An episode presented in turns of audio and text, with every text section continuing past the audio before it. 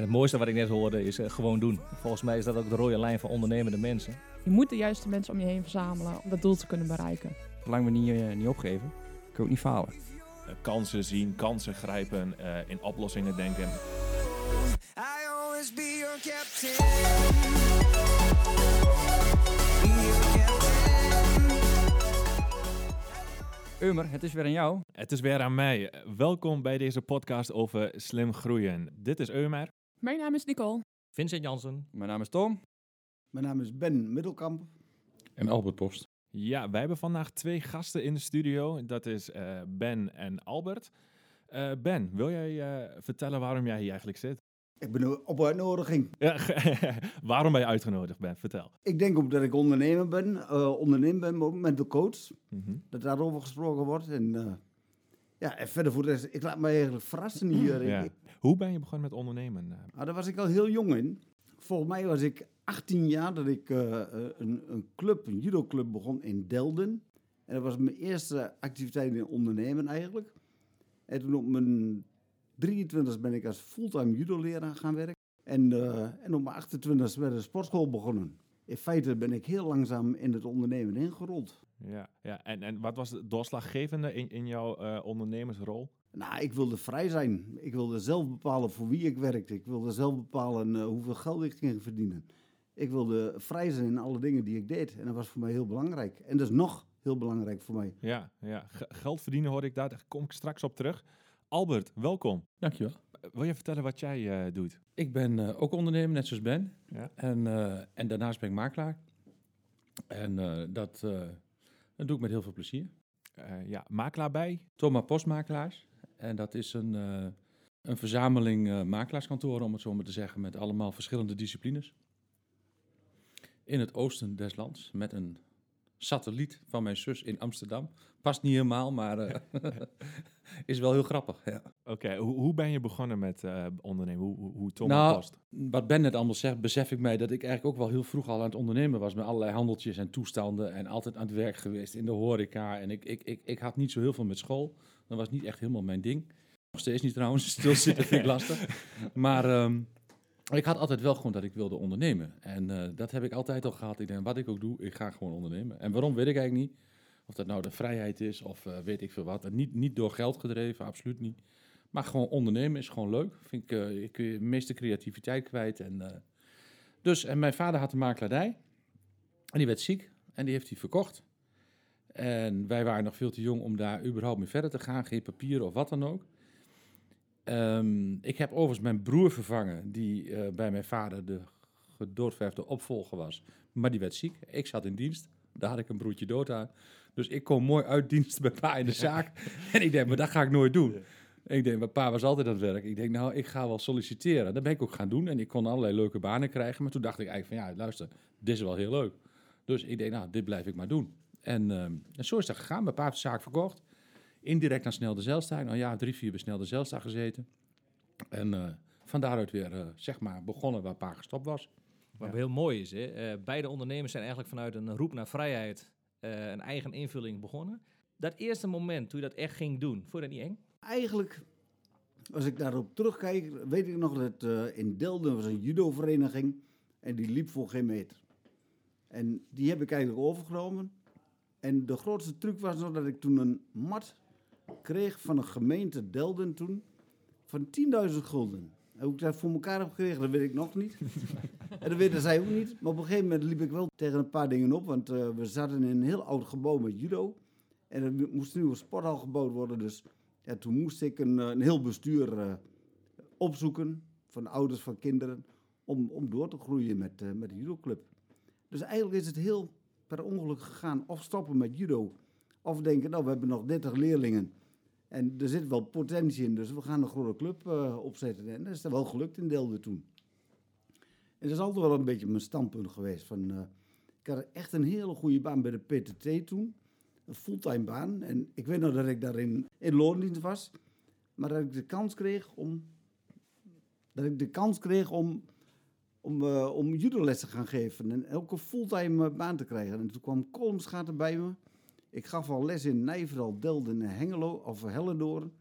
En kwam Kolmschade bij me en zei, Ben, we willen jou als judo-leraar. Ik zeg, maar jullie hebben maar twintig leerlingen. En dat kun je, niet, dat kun je niet goed betalen. Nee, dat kan ook niet. Maar ik werd wel gestopt bij de PTT en begonnen als judo-leraar. En het idee gaat van, eh, als ik nu 20 leerlingen heb, en Kolmschade was toen een groeigemeente, dan moet het ook kunnen naar 100 leden. En toen had ik afgesproken, dan kan ik vijf keer zoveel verdienen als ik dan ook 100 leden heb. Dat was, was, deal. Dus eh, dat was mijn succes eigenlijk als beginners uh, judo-leraar. En ik weet nog dat, eh, ik was toen getrouwd. Ik was vroeg getrouwd, op 20 jaar leeftijd al. En we hadden een huis gebouwd. En toen zeiden de mensen wel eens van, maar ik ging de helft in salaris terug. En dat duurde een tijdje voordat ik de, eh, dat andere gedeelte bij kon verdienen. Maar we hadden net een beetje over rente. We hadden toen een huis gebouwd in de vrije tijd en dat was 13,2% rente. Dat is echt een hele pittige periode en toch gekozen voor passie. En dat vind ik wel mooi dat je voor passie, eh, voor passie gaat. Dus, dus jouw geloof, Ben, eh, en een korte rekensom. Eh, Je geloof in je korte rekensom heeft gemaakt dat je zegt van... joh, maar eh dat kan mij niets gebeuren. Vol gas gaan, niet meer nadenken. Hoe was dat bij jou, Albert? Laat ik voorop zeggen, ik heb met heel veel plezier bij Snel de Zelster gewerkt. En ik werk nog steeds heel veel met hun samen. Heel fijn bedrijf. Maar ik had gewoon de... Ja, ik, ik kon mijn eigen niet kwijt. Eh, die man die mijn vaders bedrijf had overgenomen, die zei eerst van... Nou weet je, je kunt de helft terugkopen op termijn. Nou, toen ging die dat weer doorverkopen aan Snel de Zelstra. Toen zei hij van, nou, je kunt beter een derde hebben van Snel de Zelstra... dan de helft van Post en de Groot, zoals dat toen heette. Maar daar zaten allerlei andere mensen en die dachten daar kennelijk wat anders over. Dus dat duurde mij allemaal te lang. En ik denk, nou, op een gegeven moment eh, ja, was ik gewoon uit, eh, ik weet het niet meer, maar ik, ik kwam een mooi pand te huren. En ik denk, nou weet je, ik wil toch een keer voor mezelf beginnen. Ik had alle papieren en laat maar gewoon doen. Dus eh, nou, de, de, pand gehuurd, de bankgarantie moest ik afsluiten, bij pa wat geleend. En, en zo ging dat. En ja, één huisje aan Noors-Lindenlaan, nummer eh, 128, zou ik ook nooit vergeten. En eh, op een zaterdagmorgen uh, lichtreclame aan de gevel, advertenties in de krant. Zaterdags open, zaterdags, s'avonds elke avond open tot 8 uur, elke zaterdag open. En eh, nou, dus die eerste bewuste zaterdag. maar er belde geen hond. Helemaal niemand. en ik zat daar maar. En er gebeurde niks. En allemaal leuke kaartjes van gefeliciteerd en succes. Maar ja, ik denk nou, ik ga weer naar huis. Ik ga in bed liggen. Ik trek een donsdek over mijn kop en ik kom er nooit meer uit. Ik denk, dit komt niet goed. dat was heel grappig, echt waar. Maar goed, dat, eh, dat ging, eh, ja. lang dat, dat ge- zo is dat een beetje Hoe begonnen. lang heeft dat geduurd eigenlijk, de verkoop van de eerste woning? Het eerste succes, laten we het zo, zo zeggen? Nou, dit ging al vrij snel. En ehm, nogmaals, we hadden wel actieve marketing. En wij, wij dachten, die, die, die, die, die tweeverdienersdoelgroep, die is gewoon groot. Met name ook voor onze professionele opdrachtgevers, dus de ontwikkelaars en de aannemers. We hadden toen nog geen internet en die doelgroep die werkte overdag en die wilden we graag s'avonds informatie hebben. Dus eh, wij waren gewoon elke avond tot acht uur aanwezig. Toen was Albert Heijn ook nog niet open s'avonds. We waren echt, echt de enige die dat deed. Zaterdags open en dat, en dat, sloeg wel aan. Goeie, goede marketing, goed reclamebureau en... eh, ja, dus dat ging al. Ik, ik, eh, we zijn in 93 begonnen en ik was toen ook nog geen lid van de NVM. We zijn in 98 lid geworden van de NVM. En toen waren we in Enschede al wel eh, zo'n beetje ja, op het niveau van mijn twee grootste concurrenten. En eh, ja, zo ging dat. En toen, en toen eh, kwam ik iemand tegen in Almelo op een feestje. En dat was heel gezellig. Dat is ook een makelaar. En die zei, nou, als we nou eens samen in Hengelo iets gaan doen. Nou, een week later bij Van der Valk. Dingen afgesproken, pandje gehuurd. Toen ging dat. En nou, toen, ach, toen is dat, zo is dat een beetje gegroeid. Denk je van, nou, dit, dit gaat goed, zal alles wel goed gaan. Laten we eens wat anders proberen. Nou, ik kan jullie vertellen, dat het werkt niet zo. Maar eh, we zijn wel in, eh, toen met hypotheken gestart en verzekeren. En eh, nou, zo is het allemaal een beetje gelopen. Tot de crisis. In 2008. 2006 hebben wij, vond ik het eigenlijk al heel onrustig worden. En toen gingen mensen, andere mensen aannemen. Opvallend vaak mooie blonde dames met... nee, geintje, maar... ik maar het, het glipte mij een beetje tussen de vingers weg. Toen hebben we gezegd, nou, alles wat niet des makelaardij is, dat doen we aan de kant. En alles waar we geen meerderheid in hebben, doen we ook aan de kant. En eh, dat hebben we net op tijd gedaan. Eh, met name de verzekeringen en de hypotheken hebben we in januari 2008, vlak voor de crisis, kunnen verkopen. En daarmee waren wij crisisproof toen we toen in 2008, die behoorlijke, in november 2008, die crisis begon. Dus je je hebt eigenlijk een, een, een kans gezien, om het zo te zeggen. Dat je net op tijd. Ja, maar wel mazzel hoor, puur mazzel. Ja. Dus eh, we waren er gewoon klaar mee en het, ik werd, vond het heel onrustig. Dus klaar met al die andere dingen. Hè. Ja. We waren toen met 40 man of zo. En ik had niet overal eh, de, de meerderheid in. En dan eh, ja, krijg je een heel, heel, heel veel overleg. En dat is ook prima en ook goed, daar houd ik ook scherp. Maar met name op die onderdelen hypotheken en verzekeringen vond ik het gewoon heel lastig. Ja. Dus dat hebben we aan de kant gedaan. En dat hebben we succesvol verkocht aan Scharenborg en Rijkenberg, waar we nog steeds heel plezierig mee samenwerken. En, eh, ja, en, en toen waren we crisisproof. Dus zijn we in die crisis gaan nadenken van ja, hoe gaan we nou straks uit die crisis komen? Hebben we subsidie gekregen om daarover na te denken van het ESF. Dat, hebben we, dat was 17.500 euro per BV. Nee, nou, laten we maar eens wat aanvragen, kijken wat er gebeurt. En we kregen er daadwerkelijk twee toegezegd. Coach weer ingehuurd. En we zeiden, nou weet je, als we nou eens gewoon mensen de dingen laten doen die ze leuk vinden, waar ze goed in zijn. En dat, dat, en dat, dat is heel vaak hetzelfde. Ja. Dus toen hebben we gezegd, nou, dan moeten we de binnendiensten van die kantoren op elkaar gaan leggen. De, makelaardij, de makelaars ontzien van binnendienstwerkzaamheden. En ook op binnendienstniveau kijken van wie is geschikt voor klantcontact, wie wil liever achter de schermen rustig werken. En zo zijn we daar eigenlijk mee aan de gang gegaan. Maar toen kwamen we er ook achter dat we eigenlijk net iets te klein zijn, waren om dat goed te doen. Dus toen hebben we gezegd van goed, als we die schaalgrootte willen opzoeken, hoe gaan we dat dan doen? Toen hebben we Thoma gebeld. En die hadden natuurlijk precies dezelfde problematiek als wij midden in die crisis. En stonden heel erg open voor gesprek. En eh, nou, dat, eh, dat was ook heel prettig en heel leuk. En dan hebben we eigenlijk in één vergadering besloten om dat gewoon op één hoop te gooien. Dat is uiteindelijk een samenwerking geworden. En daar heb ik van de grootste aandeelhouder in de eerste instantie de aandelen kunnen kopen. En afgelopen eh, vlak voor kerst de overige 30%. En nu is dat gewoon één bedrijf. En dat is leuk. Albert, het is een heel mooi verhaal wat je nu, nu schetst. En als er andere startende ondernemers zijn of ondernemers die al een tijdje bezig zijn, dan klinkt het eigenlijk best wel makkelijk. Want je zegt, nou ja, eh Ja, goede was dat en wel, eh, maar wel heel hard crisis, eh, ja, een beetje mazzel gehad. Ja, dat was ook zo. Ik vond het wel, het was niet dat ik nou eh, een glazen bol had en denk van nou, nu gaat het helemaal mis. eh. Ah, maar je hebt onbewust, als ik wat dingen hoor, je hebt wel focus aangebracht volgens mij. Je hebt Ja, bewust absoluut, bepaalde eh, dingen gekozen. Ja. Wat zou je startende ondernemers mee willen geven? Nou, dat ze niet onderschatten hoe hard je moet werken. Dat is, dat is een ding. Een, een, een, een, een onderneming is- voelt voor mij als een kind.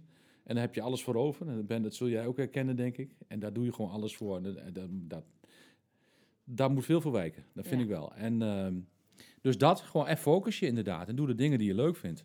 Ik, ja, ik, ik vind het gewoon elke dag heel erg leuk om te doen. Het ondernemen vind ik gewoon leuk. En eh, ja, wij hebben gekozen voor eh, schaalgrootte om op die manier ook voor een stukje specialisatie te kunnen zorgen. We hebben echt mensen die niks anders doen dan zakelijke taxaties, hè, alleen maar bedrijfsplannen taxeren. Andere mensen niks anders doen dan nieuwbouwgesprekken en onze aannemers adviseren. Weer mensen die heel dag bezig zijn met hypotheken. We hebben makelaars die met, bezig zijn met, met, met ondernemers, makelaars die aan de starterskant zitten. En als je maar specialiseert, dan denk ik dat je ook veel meer toegevoegde waarde kunt eh, leveren. Als je kijkt, eh, Albert, eh, in makelaarsland ben je best een mooie naam. Als je kijkt naar de komende jaren, hoe zien de komende jaren er voor Thomas Post uit? Ehm, ja, dat, eh, dat houdt mij ook bezig, Vincent. Nee, kijk. nee, kijk, er zijn twee dingen. Ehm, als je in een financiële moeilijke periode zit, hè, dus in een crisis, economische crisis, dan eh, is het vaak zo dat eh, om de economie te stimuleren, de rente ook laag is. Nou, we hebben de vorige crisis hebben meegemaakt dat we in een hele moeilijke situatie zaten, waar iedereen het heel moeilijk had, en waarbij er geen geld was. En omdat er geen geld was, de banken ook nog eens een keer een liquiditeitsopslag toepasten. Waardoor er geen geld was. Het geld wat er was, was heel duur. En er was gewoon een economische recessie. En dat maakte het heel, heel, heel zwaar. Als ik kijk naar de huidige situatie, dan hebben wij eigenlijk een hele lage rente. Die wij helemaal niet zo laag nodig hebben in Noord-Europa. Die is met name volgens mij zo laag om Zuid-Europa nog een beetje het hoofd boven water te kunnen houden. En dat zorgt voor een enorme schaarste op die huizenmarkt. En Dus het is allemaal money driven. Dus de klant die wil graag eh, kopen omdat het huren veel duurder is. Stond vanmorgen nog een heel artikel over in de krant. En, eh, dus wij denken dat die vraagzijde gewoon, ook al eh, zal er nog een probleem komen ten aanzien van de na-effecten van het hele corona gebeuren. Wat een drama is wat zich voor een heleboel ondernemers op dit moment afspeelt. Echt een drama. Maar ik denk dat de vraagzijde zo groot is dat het daar niet aan zal gaan mankeren. Het ergste wat voor ons kan gebeuren is dat het aanbod opdroogt. Er zijn gewoon straks geen huizen meer te kopen. Nou, dan heb je als makelaar ook weinig te doen. Dus dat is even iets waar we voor nu voor moeten waken. De, de capaciteit binnen de, binnen de overheidsinstantie is eh, te laag om te zorgen voor grote aanwas op nieuwbouw. Ehm, maar als de nieuwbouw komt, dan, eh, dan hebben wij ook daar een team met specialisten voor. En daar zijn wij hartstikke goed mee bezig. Dus daar zitten we eigenlijk wel, eh, daar ben ik wel hoopvol over dat er veel nieuwbouw komt. En we hebben allerlei andere concepten. We hebben een verduurzamingsconcept ontwikkeld, dat heet Ga voor A. Wij denken namelijk dat het mutatiemoment het moment is om een huis te verduurzamen. Dat huis staat leeg. Mutatiemoment is het moment waarop een huis zeg maar, eh, verkocht wordt. En dan komt er een andere eh, eigenaar op. En dan gaat de verkoper eruit en de koper komt erin. Dus dat huis staat leeg, die koper heeft een hypotheek nodig. Als die koper iets meer hypotheek aanvraagt, kan hij zijn huis verduurzamen, naar een A-label brengen. En zit hij uiteindelijk met veel lagere lasten dan dat hij dat niet zou doen. En wij gaan hem daarin begeleiden. Dus wij maken die huizen beter verkoopbaar door ze op papier te voorzien van een A-label. En we gaan die kopende consument helemaal begeleiden in de hele afwikkeling van het hele verduurzamen. Dat hebben we, hebben een landelijk netwerk voor benaderd met allerlei eh, partijen die dat kunnen. En eh, we gaan het in totaal met 71 kantoren in het land doen. Het is een initiatief vanuit ons, maar we hebben dus afspraken gemaakt met andere makelaars in het land om dit samen op te pakken. Gaat dit eh, binnen Thomas Post een onderdeel worden? Of is Thomas Post een onderdeel van dit concept? Nee, het is, ehm, wij, wij hebben eh, het concept ontwikkeld. En onze kantoren kunnen daar gebruik van maken. Net als andere kantoren in het land daar ook gebruik van kunnen maken. Dus we hebben een netwerk van kantoren benaderd. En die stonden daar heel erg voor open. Een soort van coöperatieve platform. Ja, exact. Dat zeg je ook heel goed. Dat doen we ook vanuit een coöperatieve vereniging uh, gedachte. Ja. En dat, zo doen we ook uh, met z'n allen de, de verkoop van nieuwbouw. We hebben een, een initiatief dat heet Nieuw Wonen Twente. Daar heb ik uh, samen met Snel de en Ten Hag hebben we daar onze nieuwbouw, verkoopactiviteiten en adviesactiviteiten ondergebracht. Dus het is heel grappig. Ben je aan het ondernemen met je grootste concurrenten. En dat voelt heel erg goed. Dat is echt heel erg leuk. Ja. Ben, als je kijkt naar jouw ontwikkelingen. Ehm, en als je kijkt naar uh, uh, de toekomst. Uh, in basis natuurlijk een, een geweldige nieuwe stroom neergezet, mental coaching. Ik denk dat je wel een van de initiatiefnemers bent binnen, binnen Nederland. pionier ten top. wat wil jij de komende jaren doen en hoe wil jij jonge ondernemers, startende ondernemers, ondernemers die met nieuwe dingen bezig zijn, ondersteunen? Ja, vanuit het verleden, als ik naar mezelf kijk, is het vooral uh, één belangrijk woord wat steeds weer terugkomt, is overtuiging. Zodat je overtuiging hebt van als je ergens voor gaat, dat je er ook 100% voor gaat. En ik heb zelf uh, in mijn leven heel wat veranderingen meegemaakt, echt extreme veranderingen ook. Als ik kijk op 19 jaar leeftijd, dat ik dan die, die faalangst kreeg, waar heel veel mensen nu nog mee kampen. En dat dat een enorme transformatie kan zijn. En als je ook als ondernemer zijn, als je niet wilt transformeren, als je niet wil veranderen, ja, dan blijf je in problemen zitten. Dus iedere keer als er wat nieuws op je pad komt, ja, dan moet je de overtuiging hebben van uh, uh, dit kan anders worden en misschien wel beter. Misschien zegt die coronaperiode nu ook wel dat de mensen eens gaan opletten van hoe belangrijk gezondheid is, hoe belangrijk vitaliteit is, hoe belangrijk kracht, sterkte is. Dus dat je ook mentaal weerbaar bent tegen de hele toekomst. Want een, een vaststaand feit is er dat wij mensen momenteel in één dag zoveel prikkels van buitenaf binnenkrijgen. Dan zeggen we 100, 150 jaar geleden een mens in een mensenleven. En dan rekenen mensenleven maar op 50 jaar. En dat is echt voor heel veel mensen uh, uh, ja, heel moeilijk om dat bij te benen. Kijk maar in jullie vak. In, in, ja, kijk maar in ieder, ieder vak. Ik, ik, kan jou wel vragen van, uh, vind jij dat leiderschap veranderd is de laatste 30 jaar? Nou, ik denk giga veranderd. Ik denk Ja, dat, ik denk dat de rollen omgedraaid zijn. Ja. Nee, maar- serieus. Er is- en als je dat niet eh, ziet of snapt, ja. Dan heeft verloren. Dus er is, Wij, wij zijn afhankelijk van het personeel. Zo zie ik het. Ja. maar en niet er- andersom. Dat dacht namelijk iedereen altijd, maar dat is niet zo. Dus, en zo ga je ook met elkaar om, vind ik. Ja. er speelt nu zoveel in leiderschap ook, hoe, hoe sterk dat veranderen is. En dat is toch een van de problemen van de mensen die wij hebben, dat we heel moeilijk daarin kunnen schakelen. Dat kan niet iedereen.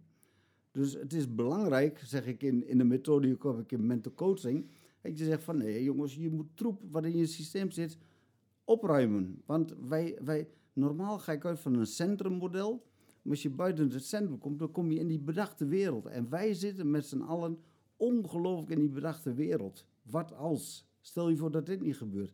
Nee, draai het om en ga naar die werkelijke wereld.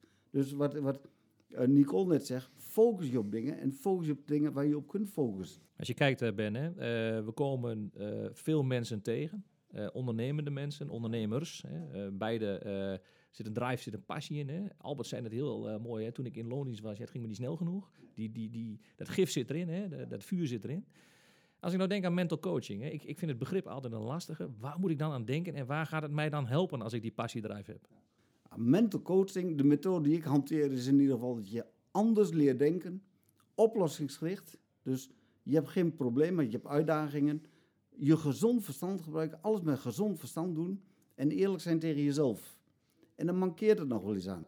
Noem eens een voorbeeld, eerlijk zijn tegen jezelf. Ik ga dan uit van een model dat je zegt van... eh, je hebt een soort schilderij waar je naar kijkt. Het is een groot schilderij en dan zie je iets.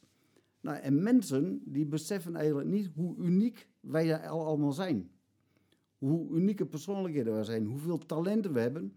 En hoeveel eh, eh, eh, ja, uitdagingen er eigenlijk liggen. En als we ons daarop gaan focussen, dan krijg je een heel andere, andere manier van denken. Als je kijkt, hè, ehm, je hebt een paar hele mooie namen in de sportwereld, daaromheen. Heb jij ontzettend goed kunnen helpen. Ehm, wat heb jij bij die mensen gedaan? Wat geven ze jou terug? Een volledige transformatie. Gewoon totaal anders leren denken. Je, je wil echt niet weten, eh, als je hier naar Oost-Nederland kijkt, dat, nou, eh, ik denk van de, van de duizenden ondernemers die hier rondlopen, echt de topondernemers, heb ik misschien wel 500 gecoacht. Er zijn heel veel ondernemers komen naar me toe voor coaching. 65, ja, Albert nog niet. Kan veranderen, Ben. Ik heb je nummer nu. Nee, kan Komt goed met die knieën. Nee, maar het gaat erom, ik heb zelfs een ondernemer die ik nu, eh, eh, eh, waar ik al heel lang mee, mee optrek. En die eh 15 jaar geleden eh, zei van, ja, ik ga naar een klant toe. Ze, ze durfden de naam mental coach niet uit te spreken. En nu zeggen ze gewoon, ik ga naar Ben toe. Dus er is heel wat veranderd in die, in die periode. Maar het gaat erom dat jij in staat bent om je eigen, en dat zeg ik dan ook, dat je jezelf het best kunt zien als een systeem. En wat is dat systeem? Dat is het mentale systeem die jouw fysieke aanstuurt. En iedereen heeft dat. Iedereen heeft dat. Ja, waar ik ook echt super benieuwd naar ben. Je, je hebt dus op 19-jarige leeftijd uiteraard een beetje voortgekomen uit die faalangst. Ja, Ik denk van, hé, hey, ik heb hier iets, Ja. hier moet ik iets mee gaan doen. ja. Wist je vooraf dat jij daar zoveel mensen mee kon helpen op dat niveau, dat die persoon Nee, ook natuurlijk niet. zijn? Maar wat ik ook zei met judo, ik was een judo-fanaat. Ik, vond, ik wilde graag mensen judo-les geven. En als ik ergens met een clubje met 20 leden begon, dan wist ik van, nou, ik ga ze zo trainen dat ik de 100 krijg. Dus als ik met 20 leerlingen les geef en ik ga naar 100 toe, dan heb ik in ieder geval een goed inkomen. Nou, zo ging het met, eh, met sportscholen ook. In 82 begon ik met een sportschool en iedereen zei, wat een idioot gedoe, dat kan toch niet? Hoe, hoe gaan mensen nu sportscholen doen? Ik weet nog dat ik moest vechten om 300 leden bij elkaar te krijgen. Nu zijn er 3,2 miljoen Nederlanders die aan fitness doen. Ze lachten ons uit. En ik was een pionier daarin. En toen begon ik in 1994 in Nijverdal met een, eh, een heel groot centrum. En dus tennis en bouwde ik op. Ik weet nog dat ik een begroting had van 3,2 miljoen, wat uitliep naar 4,8 miljoen. Nou, dat waren stappen, dat waren ongelooflijke stappen. Maar iedere keer weer de overtuiging, nee, we halen dit. En toen, ik, toen ben ik ook een keten begonnen in sportscholen. Ik had zelf, zelf vijf sportscholen. Maar ook Fitcare, die had 23 clubs. Dus we waren de eerste franchiseclub in Nederland. We hadden een, eh een bedrijfsfitnessorganisatie met 88 sportscholen. En, eh, en op een gegeven moment dan denk je van, eh, je wil verder als sportschool, je wil iets anders. Nou, ik zag dat, dat eigenlijk de samenwerking groot moest zijn. Nou, dat konden we niet voor elkaar krijgen. Nou, toen komen de investeerders erbij. Heb ik ook aan verkocht. En toen ben ik eh, me gericht op mental coaching. En dat was weer iets waar iedereen van zei van... Ah, jongens, mental coaching, dat is toch niks. Ja, dat, Maar dat was- Nog even om al- het sportschoolgedeelte af te ronden. Je hebt destijds verkocht. Maar ja, hoeveel sportscholen waren dat en hoeveel leden hingen daaronder? Ik had vijf sportscholen en in totaal 7200 leden. Nou, dat is toch wat opgebouwd. In hoeveel jaar? In, eh, zeg maar, in 82 begonnen, dus eh, tot eh, zo'n 20 jaar. Vind ik ook even een interessante vraag richting Albert. Eh, eh, Albert, als je kijkt naar eh, jouw wereld, makelaardij. eh, in welke schaal moet ik denken, hoe groot zijn jullie binnen, binnen die wereld? Met Thomas Post. Wij zijn eh woningmakelaardijgebied zijn wij in ieder geval in de top 10 landelijk. En ik denk op de mm, zevende plaats of zo. Maar daarnaast doen wij natuurlijk nog een heleboel andere dingen. Hè, wat ik zei, we hebben de afdeling bedrijfsmakelaardij. En ehm, een afdeling bedrijfstaxaties. We hebben een hypotheekafdeling. En we hebben eh, drie eh, nieuwbouwpleinen onder de naam Nieuw Wonen Twente, Nieuw Wonen Achterhoek en Nieuw Wonen Stedendriehoek. Dus, en, maar dat is niet zo heel interessant. Wij zijn ook niet helemaal niet een heel groot bedrijf, want er zijn veel grotere bedrijven.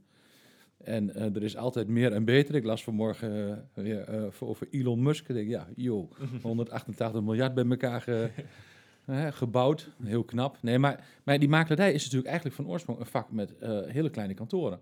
Dus dat zijn allemaal papa en mama kantoren. Dus dat is eigenlijk, dus dan ben je al vrij snel groot. Maar je hebt in Enschede, heb je, in Twente heb je nog een snel de Zijlstra en in Den Haag. En dat zijn ook hele grote clubs. Dus, eh, dus dat is, eh, ja. Als je kijkt, hè, wat ik heel mooi vind eh, ten aanzien van de antwoorden die we krijgen, hè, over grootte hebben we het vaak over omzet of aantal mensen of aantal vestigingen. Eh het zijn natuurlijk hele financiële dingen.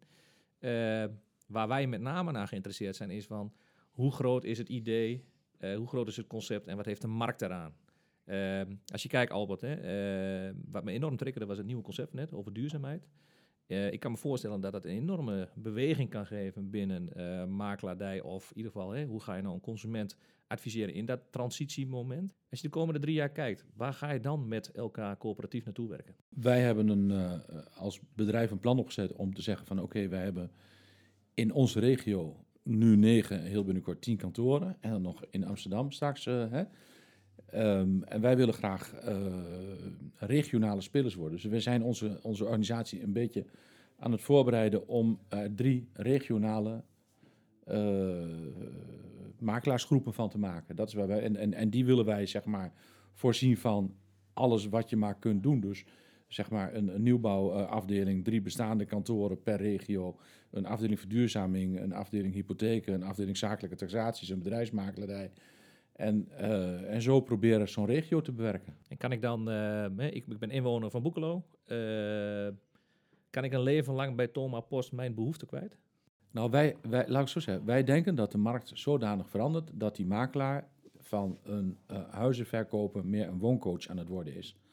Je ziet in, eh, in Engeland zie je al heel erg dat, eh, dat daar ook samenwerking zijn op, op juridisch gebied en op, eh, op, op verzekeringsgebied. En wij zien nu gewoon dat wij ook meer, veel meer een vraagbaak worden op het gebied van verduurzaming. Die kennis wordt overigens ook in Nederland als makelaar gegeven door de, door de NVM in dit geval en door andere instanties. Het nieuwe taxatierapport komt eraan per juli volgend jaar.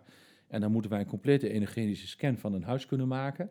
Nou, dat is echt, dat is echt een, klus, dat wil je niet weten. Maar wij hebben dus best wel veel kennis als, als makelaars, als generalisten op dit gebied. En uh, nou, dus een wooncoach bedoel ik mee van mensen kunnen een stuk grond kopen, willen een huis bouwen, weten eigenlijk niet goed wat ze moeten bouwen, waar ze naartoe moeten. Ze willen iets verbouwen, ze zitten met een stuk inrichting, hoe gaan we daarmee om? Maar ze hebben ook zoiets nou, we gaan samenwonen, hoe moeten we dat juridisch inkleden met een huis? Hoe gaan we het met de hypotheek doen? Dus uh, nou, wij, waar wij nu de afgelopen jaren erg op ingezet hebben, zijn data. Dan zei ook, ja, dat is ook weer zo'n mooi begrip. Ja, wat vinden wij belangrijk? Um, uh, om data te verzamelen van huizenkopers op basis van hun zoekvraag. En te proberen die zoekvraag bij onze opdrachtgevers, de ontwikkelaars, neer te leggen. Zodat zij op basis van de zoekvraag van de consument het huis kunnen bouwen wat die consument wil hebben. Nou, dat doen we binnen onze afdeling Nieuw Wonen Twente. Daar hebben we inmiddels, uh, ik denk in Twente, met Snel de en Den Haag samen, ik denk iets van 10.000 zoekprofielen. Waar onze opdrachtgevers, maar ook gemeenten heel blij mee zijn. We delen die dingen ook met de gemeente. Dat zeggen ja gemeente Enschede, waar wil je nou hè, de komende jaren, uh, uh, wat wil je? We willen graag groeien. Nou, ga dan vooral dat bouwen waar de consument behoefte aan heeft. En anders hebben we de mismatch die we in het verleden hadden. Dus dat soort dingetjes, daar, uh, daar zijn we mee bezig. Ik wil even, even terug naar Ben's verhaal, want ik, vind het, ik wil er even een opmerking over maken. Want ik vind het echt wel heel erg interessant. Want Ben zei net een aantal dingen, van blijf bij jezelf, maar haal het doodhout uit je organisatie en wees direct en pak dingen aan. Zo, hij vertaalt eventjes. Hè? Dat zijn allemaal dingen die je in de loop der tijd hebt moeten uitvinden. Dus ik kan eigenlijk ondernemers wel heel erg... Je, er bestaat geen uh, opleiding in ondernemen. Vis, jij bent zelf ondernemer, je, hebt, uh, je bent, nu zit hier heel mooi... maar ik weet dat jullie ook zeer succesvol zijn in een aantal bedrijven. En je herkent dat denk ik wel. Je, er is geen school in ondernemen. Wij hebben alles gewoon uit moeten vinden. Bij mij zijn de ogen opengegaan toen ik um, uitgenodigd werd door de Rabobank voor een mini-MBA-opleiding. Ik weet niet of jullie weten wat dat is. Maar dat is een, uh, een traject waarbij je met, uh, nou, zeg maar met 20 mede-ondernemers uitgenodigd wordt. Betaalt allemaal een x-bedrag. En ze zijn daardoor in staat om topdocenten in de avonduren naar je toe te halen. En ja, had ik dat nou maar eens 20 jaar eerder gehad. Hè, dan had, ik- had ik een heleboel fouten weten te voorkomen. Dat geldt ook voor jouw verhaal.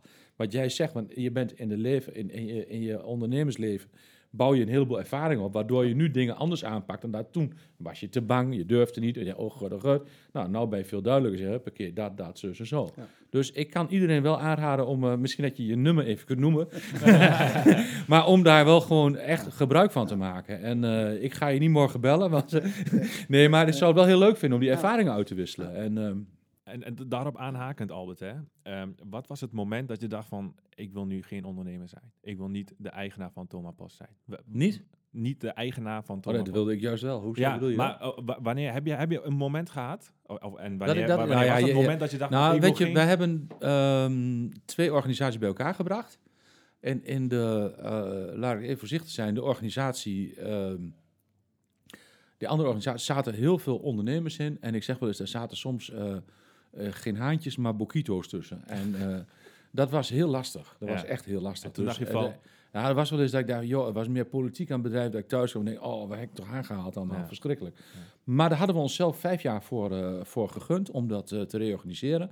En we hebben in december 2017 de aandelen overgenomen. Overigens ehm, gaf ik er toen al een jaar leiding aan. Maar en, en wij hadden zoiets in, in eh, november 2019 van ja, die klus zit erop. Het is goed, iedereen staat op de juiste plek.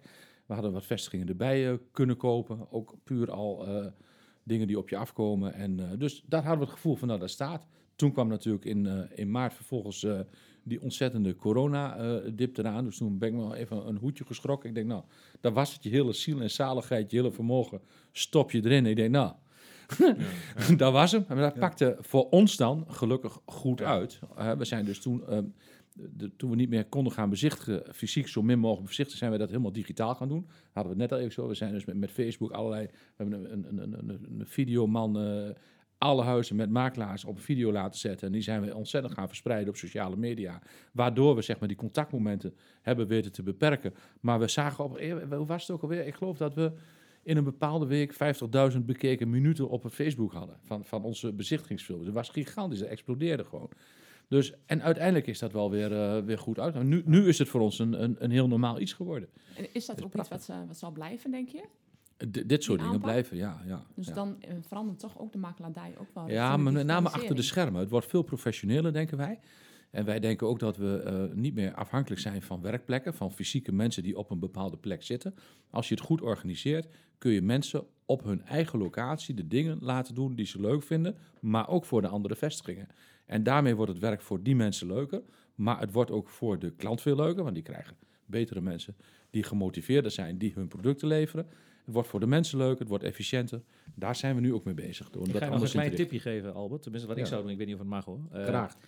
Het filmpje wat jullie hebben is geweldig. Welk filmpje? Eh, wat je maakt van een, Ja. eh, van een woning. Met dank aan de Eh, makelaars. Ja. Ja, en, en wat ik zou doen is, ik zou daar een onderdeeltje van het nieuwe concept achteraan doen. Oké, dat, dat we dat nog even. ja, dat is, dankjewel. Dat is een goede tip. Je hebt 50.000 minuten. Hè? Ja, dat hadden we toen in die. Ja, het, het is nu wel Ja. aantal minuten dat mensen. bekeken. Dat is echt niet normaal. Ja, die en dingen die worden bekeken, dat is echt gewoon. Dat is de giga. trigger voor die coach. Check. Ik, gaat steek er even een duimpje duim omhoog. omhoog. Ik ben Ben, daar- Nee, Dan, dat is een goede eh, tip. Mijn vraag richting jou. Op, op welk moment dacht jij van, hey, ik, ik wil nu even geen ondernemer meer zijn? Kijk, Dat, dat kan met alles, hè. Dat kan fa- familiedingen zijn, dat kan financieel zijn. Dan, hè, wanneer dacht je van, eh, ik wil nu even geen ondernemer zijn? Was er, werkte ik maar in loondienst, bijvoorbeeld? Oh, ik vind het een verschrikkelijke vraag, zeg. Ja? Ik, ik, ik heb er nooit bij nagedacht, echt niet. Maar je hebt ook wel eens een momentje gehad dat je dacht van, nou, nou ben ik er even helemaal klaar Ja. mee. Dat wel, maar als Ja. ik dan denk van dat ik voor een, een, een, een werkgever zou moeten werken, dat zou voor mij totaal niet passen. dat Autoriteitsprobleempje? zou voor, nee, nee, weet ik Ja, niet. ik wel. Ik denk van, Dan eh, heeft de, de werkgever mental coaching nodig. ik vind dat eh, zo makkelijk hè, dat je iedere week, iedere maand je geld krijgt. Nee, ik, ik, ik werk er graag voor. En, Ja. ja, nou, eh, eh, vroeger zei ik al wel eens van, eh, ik had toen die Fitcare groep met, met sportscholen. En later ook die 88 clubs in, eh in bedrijfsfitness. Toen zei iedereen ook van, eh, maar je zit in Nijveral. En toen, eh, misschien heb ik het ook nog bij, jou gedaan, Vincent. Dat ik ooit een keer zei van, dat ik eigenlijk de punt van de passer in Nijveral zette. En als ik de cirkel omheen trek, is Nijveral in één keer niet het oosten van Nederland. Nee, is het hart van Europa. Nou, dat is nu enorm eh, bezig natuurlijk. Dat je niet meer kunt denken op een, in de plaatselijke groep, wat jij ook zegt. naar Amsterdam toe. hè. Je gaat je, je, je, ja, je voelsprieten uit- uitbouwen op, op een verder traject. een Ik wil wat traject. zeggen, eh, Ben. En dat als, is, je, als je kijkt naar, naar de transitie die jij, en mental coaching, en een mooie opmerking van Albert net ook, en daar wil ik eigenlijk wel een beetje kracht bij zetten. Eh, ik denk succesvol ondernemen is ook vooral een heel mentaal ding, want de ondernemer is het begin van elke onderneming. Ik wil daar iets van vertellen. Met 35-jarige leeftijd, ik ben nu 42, had ik een hele lastige tijd, want ik kwam uit groot corporate Michelin. Ehm, geweldig bedrijf, maar ik ben uiteindelijk een persoon die niet in die grote bedrijven past.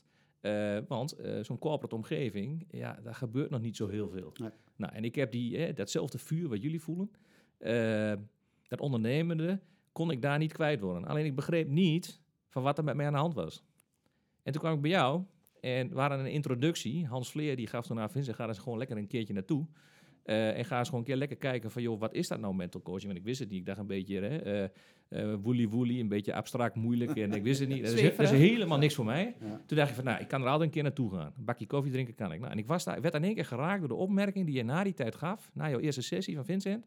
Als je dit voor jezelf wil leren begrijpen, je moet er even doorheen.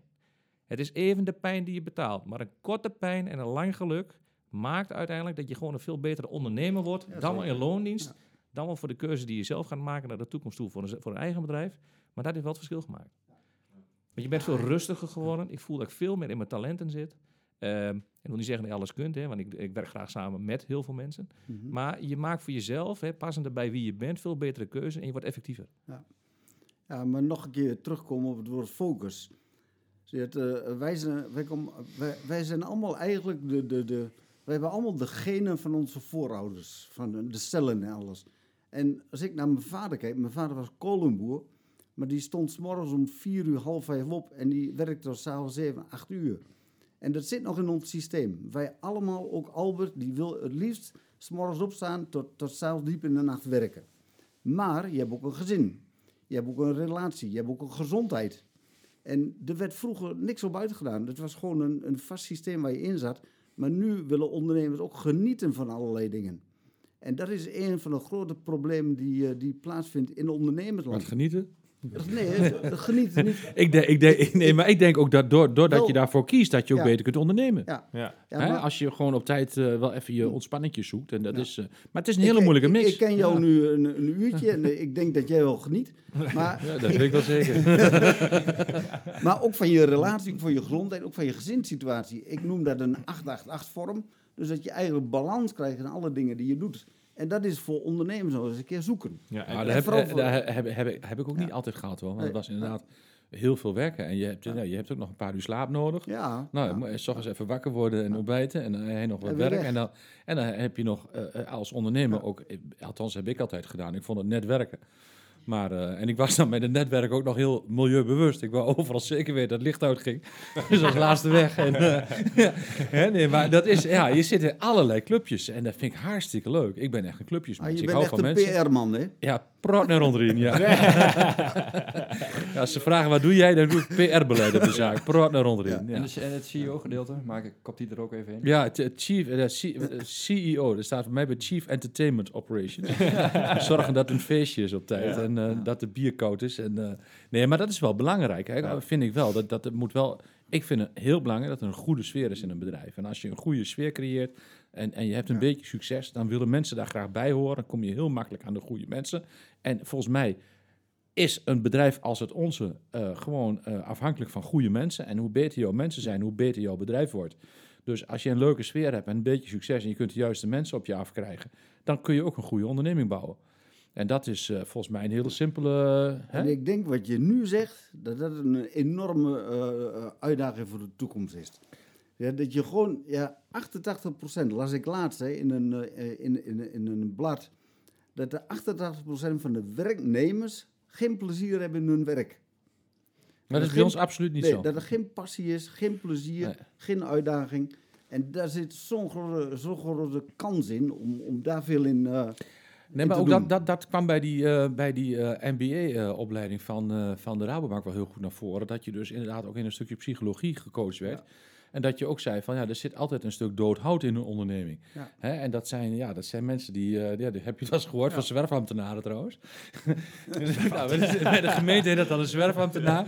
Maar er kunnen ook in bedrijven kunnen dus mensen zitten die daar maar zitten en die helemaal niet gemotiveerd zijn. En dat noemen ze dood hout. En die steken de rest ook aan. En daar moet je gewoon, daar moet je gewoon, dat, wat, wat jij, dat bedoelde ik ook, dat had ik begrepen wat jij net zei. Dat je dat soort problemen gewoon aanpakt Ja. en oplost. Ja, ja, Klaar.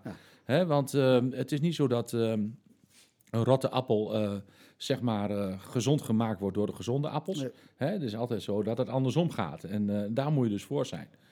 Maar nogmaals, dat, zo sta ik erin. En, eh, En Albert, dat klinkt nu heel makkelijk. Van, nou ja, weet je, dan moet je gewoon die keuze maken. Ja. Ben, misschien heb jij daar nog wel tips voor. Want ik denk dat, eh, kijk, jij hebt heel veel ervaring. En je, hebt, je voelt ook van, nou weet je, dat, zijn boeken dat is voor. gewoon goed. Ja. Ja, er zijn boeken voor. Maar ik denk dat Ben daar nog wel hele mooie tips voor heeft. Ook voor de wat jongere ondernemers die denken, ja, ik loop hier tegenaan. Hoe ga ik hiermee om? Volg je passie, volg je hart.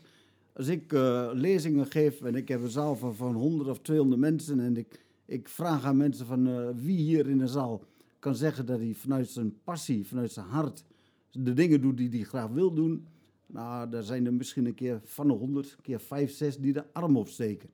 En, ik kan zeggen dat ik echt vanaf mijn twintigste eh mijn passie heb gevolgd en iedere keer heb gedaan wat ik ook graag wilde. En als je dan de overtuiging hebt dat je daarin blijft en ook wilt veranderen. Er zijn ook bepaalde dingen waar, wat je zegt over doorhout of doorhout, dat het niet te lang aanblijft. Ik heb bijvoorbeeld in mijn sportscholen toen veel te lang de judosport eh, eh, laten draaien, omdat het dik, dik verliezen draaide. Maar eigenlijk omdat ik te veel hield van de judo, heb Ja. ik dat gedaan. Maar eigenlijk, eh, zakelijk gezien, dat ik daar lang, eh, veel langer mee moeten stoppen. Maar dat je ook afscheid durft te nemen van bepaalde dingen. Dat je ook zegt van, oké, ik ben nu 19, ik doe nu dit. Maar ik ben 45, ik ben dat. En ik zie veel te veel mensen, echt veel te veel mensen, ook in mijn omgeving, die 60, 55, 60 jaar zijn en gewoon zat zijn, niet meer willen werken. Allemaal naar die ver- vervroegde pensioenen, die gewoon niet meer Maar Ben, jij zei een heel Dat belangrijk me- ding net, hè? Dat lijkt me Eh, ongelooflijk gewoon. Het bouwen van een onderneming zijn eigenlijk twee dingen. Je gaf net heel mooi, hè? eh, ik heb eh, judo gedeelte gedaan. Zakelijk gezien had ik andere dingen moeten doen. Ja. Als we kijken, zit daar natuurlijk ook wel een hele grote voorliefde vanuit het vak. Hè? In dit geval judo of een makelaardij. Daar begint vaak iets vanuit de Het ondernemer. mocht ook wat kosten nog. Dat, Maar dat succesvol ondernemen is een combinatie van... Vaak vinden we wel dat we het vak goed kunnen. Maar een onderneming is een ander vak. Jazeker. En kijk naar de masterclasses, hè, waar Albert het net over had. Of hoe we het ook maar noemen. Maar praktijkgedeelte ondernemen, wat iedereen vanuit zijn vak echt moet leren... wil je een succesvolle ondernemer neerzetten... volgens mij kunnen we daar met elkaar nog heel veel doen. Het Maar gaat ook heel gewoon vaak- kijken naar anderen en luisteren. Vooral luisteren. Als je, als je ondernemer bent, spreek je heel veel ondernemers. En dan zit je bij elkaar na een avondje golf of wat dan ook. En die heeft dit meegemaakt, die heeft dat meegemaakt. Nou, en dan probeer je overal iets op te pakken. Ik heb ooit één jaar skiles gehad. De rest heb ik allemaal bij andere mensen afgekeken. Zo, zo ben ik gaan skiën. Ja, nee, nee, maar serieus. Dat, nee, maar haal ik als voorbeeld altijd aan. Hè?